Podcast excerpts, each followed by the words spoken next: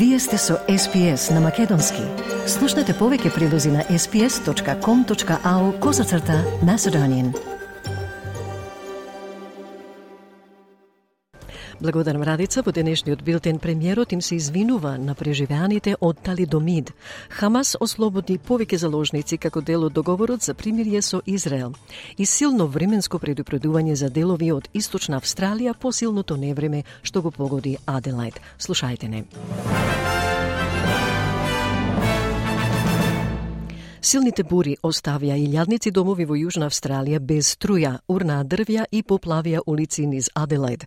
Имаше стотици повици за помош од државните служби за итни случаи, додека мерачите на дожд во делови од градот бележат повисоки нивоа отколку што обично паѓаат во ноември. Лошите услови се намалуваат во Аделајд, но се предвидува дека силните грмотевици ќе се прошират и во делови од Источна Австралија. Джонатан Хау од Бирото за метеорологија вели дека очекуваат влошување на временските услови во следните неколку дена. Rainfall will pick up from early Wednesday morning, and there is the potential for six hourly totals of up to 150 millimetres, leading to flash flooding and damaging winds in excess of 90 kilometres an hour, mostly along the coastal fringe south of around Maruya Heads. And more broadly across eastern Australia, we are expecting widespread rain and storms in coming days, all the way from southern Queensland and into southern Victoria. Премиерот Антони Албанезе упати формално извинување до преживеаните од талидомид и нивните семејства.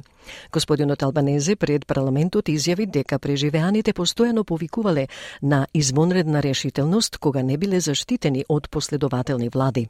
Изјавата е упатена на неуспехот на федералните и државните влади да го забранат увозот или продажбата на лекот, широко препишан на идните мајки за утренски тегоби и акциозност и покрај тоа што беше поврзан со вродени дефекти во ноември 1961 година.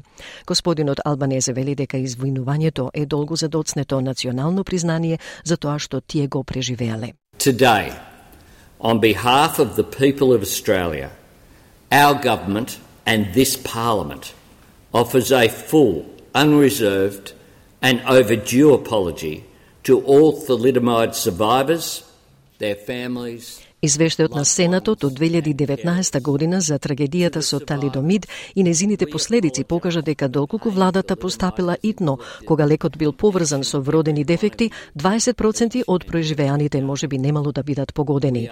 Наместо тоа во ноември 1961 година, кога беше воспоставена врската, федералните и државните влади не презедоа никакви мерки за забрана на увоз или продажба на лекот. Израел ослободи 30 затвореници како дел од привремениот договор за прекин на огнот со Хамас. Се верува дека групата ја сочинуваат 15 жени и 15 мажи, тинејџери. Хамас за возврат ослободи уште 12 заложници, предавајќи ги 10 израелски државјани и двајца странски државјани на Црвениот крст. Додека посредниците се собираат во Катар за да преговараат за продолжување на примирието, стотици членови на семејствата на заложниците кои се уште се во Газа одржа митинг пред воената база за Кирја. 27 годишниот Гали Лев вели дека сакаат израелската влада да обезбеди ослободување на преостанатите заложници. We want to um, pressure the government to release not only the children, also the children, but their parents are still kidnapped. There are young people, there are young soldiers, um, people who are innocent who were in this party and now they're kidnapped and we don't know dead or alive. Um, we have to have them home as soon as possible. Продолжува потрагата по барател на азил кој се уште се води како исчезнат откако одбил да носи задолжителен електронски тракер по неговото ослободување од имиграцијски притвор. Случајот е убатен до Австралиската федерална полиција под иницијативата наречена Operation Aegis. Министерот за имиграција Андрю Джайлс го извести парламентот дека властите прават се за да го пронедат човекот. The Australian community should be assured that all efforts coordinated under Operation Aegis are being made to Member track down Gray. this individual. And again, I commend the work of the Australian Border Order. Force and the Australian Federal Police working with state and territory law enforcement officials to ensure community safety. И групата работници во Индија кои останаа заробени во тунел на Хималаите се ослободени 17 дена по несреќата. Флота од амбулантни возила пренесе 41 работник од местото на уривањето на тунелот во болница во блискиот град Чинјали Саур. Началникот на Северната индиска држава Утарахтканд Пушкар Синг Дами вели дека тие ќе бидат внимателно проверени од медицински тимови. Right now we will work only on the basis of the doctor's advice. Based on that, after that they will have to be sent home or whatever has to be done. First they will be kept under medical supervision. They will be monitored. Од денеска до петок во Македонија ќе се одржува 30-тиот министерски самит на ОПСЕ, на кој ќе присуствуваат над 70 делегации преку 1000 учесници, што представува еден од најголемите настани што некогаш е организиран во државата. Украина и Балтичките земји го бойкотираат министерскиот состанок на ОПСЕ. По само неколку часа откако Бугарија даде зелено светло за прелет на авионот на Лавров, официјален Киев излезе со став дека шефот на украинската дипломатија Дмитро Кулеба нема да дојде во Скопје. Русија го уништува а опсе стои на официјалната страница на украинското МНР. На социјалната мрежа X, поранешен Твитер, украинското МНР објави видео во кое Киев се заблагодарува на Македонија за спротивставувањето на руската агресија врз Украина, но одлуката за неприсуство на состанокот останува. Премиерот на Западна Австралија формално им се извини на домородните работници во државата чии плати беа украдени речиси 40 години. Украдените плати се однесува на период кога мажи и жени абориджини биле вработени помеѓу 1936 и 1972 година, често за мала или без никаква плата. Премиерот Роджер Кук вели дека законодавството и политиките што требаше да ги заштитат абориджините резултираа со тешкоти, експлоатација и неповолност. Тој тоа го опиша како како срамен дел од историјата на Западна Австралија. The fact that this mistreatment existed for Aboriginal workers for decades is a blight on the legacy of successive governments. The fact that our laws facilitated these outcomes brings great shame. For that, we are sorry. Федерален парламентарен комитет препорача да се воспостави независен процес за да се справат со раскажувањето на вистината и преговорите за договор со домородните австралици. Тоа е една од шесте препораки од групата која вклучува и одобрување и спроведување на декларацијата на Обединетите нации за правата на домородните луѓе, позната како UNDRIP.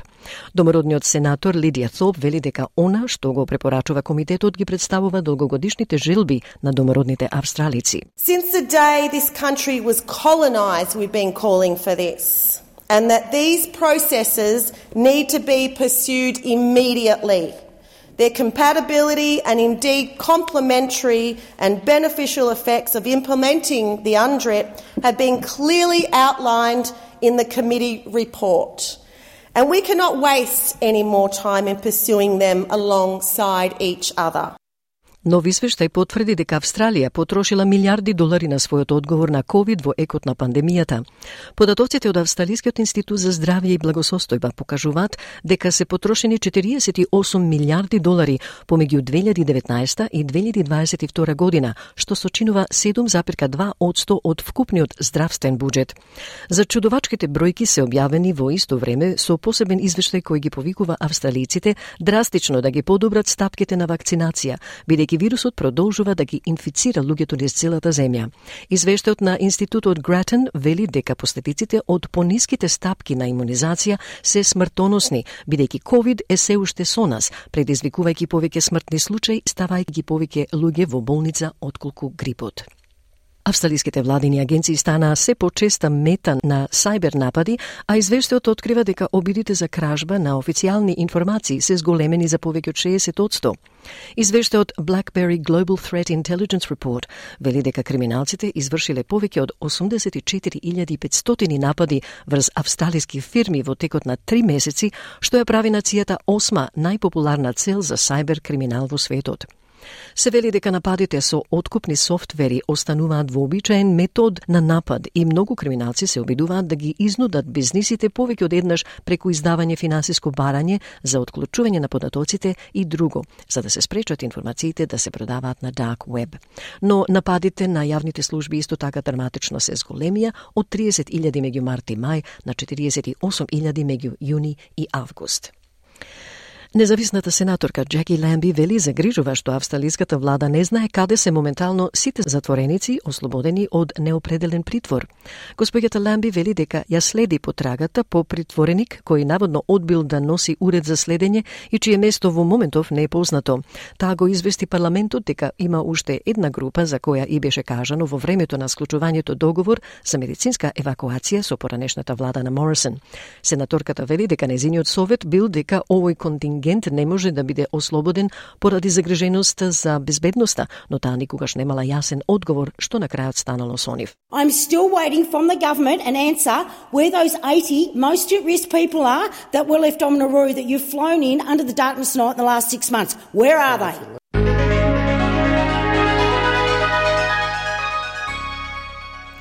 И од најновата курсна листа денеска, еден австралиски долар се менува за 0,60 евра, за 0,65 американски долари и за 36,73 македонски денари. Додека еден американски долар се менува за 55,72 македонски денари, а еврото за 60,98 македонски денари. И времето за утре за Перт претежно сончево 29, Аделајд делумно облачно 25, во Мелбурн повремен дожд 19, Хобарт повремени врнажи 17, во Камбера повремен дожд до 23, за Сиднеј делумно облачно 28, во Бризбен сончево 35, Дарвин услови за дожд или бура 34 и Алис Спрингс повремен дожд и услови за можна бура 31.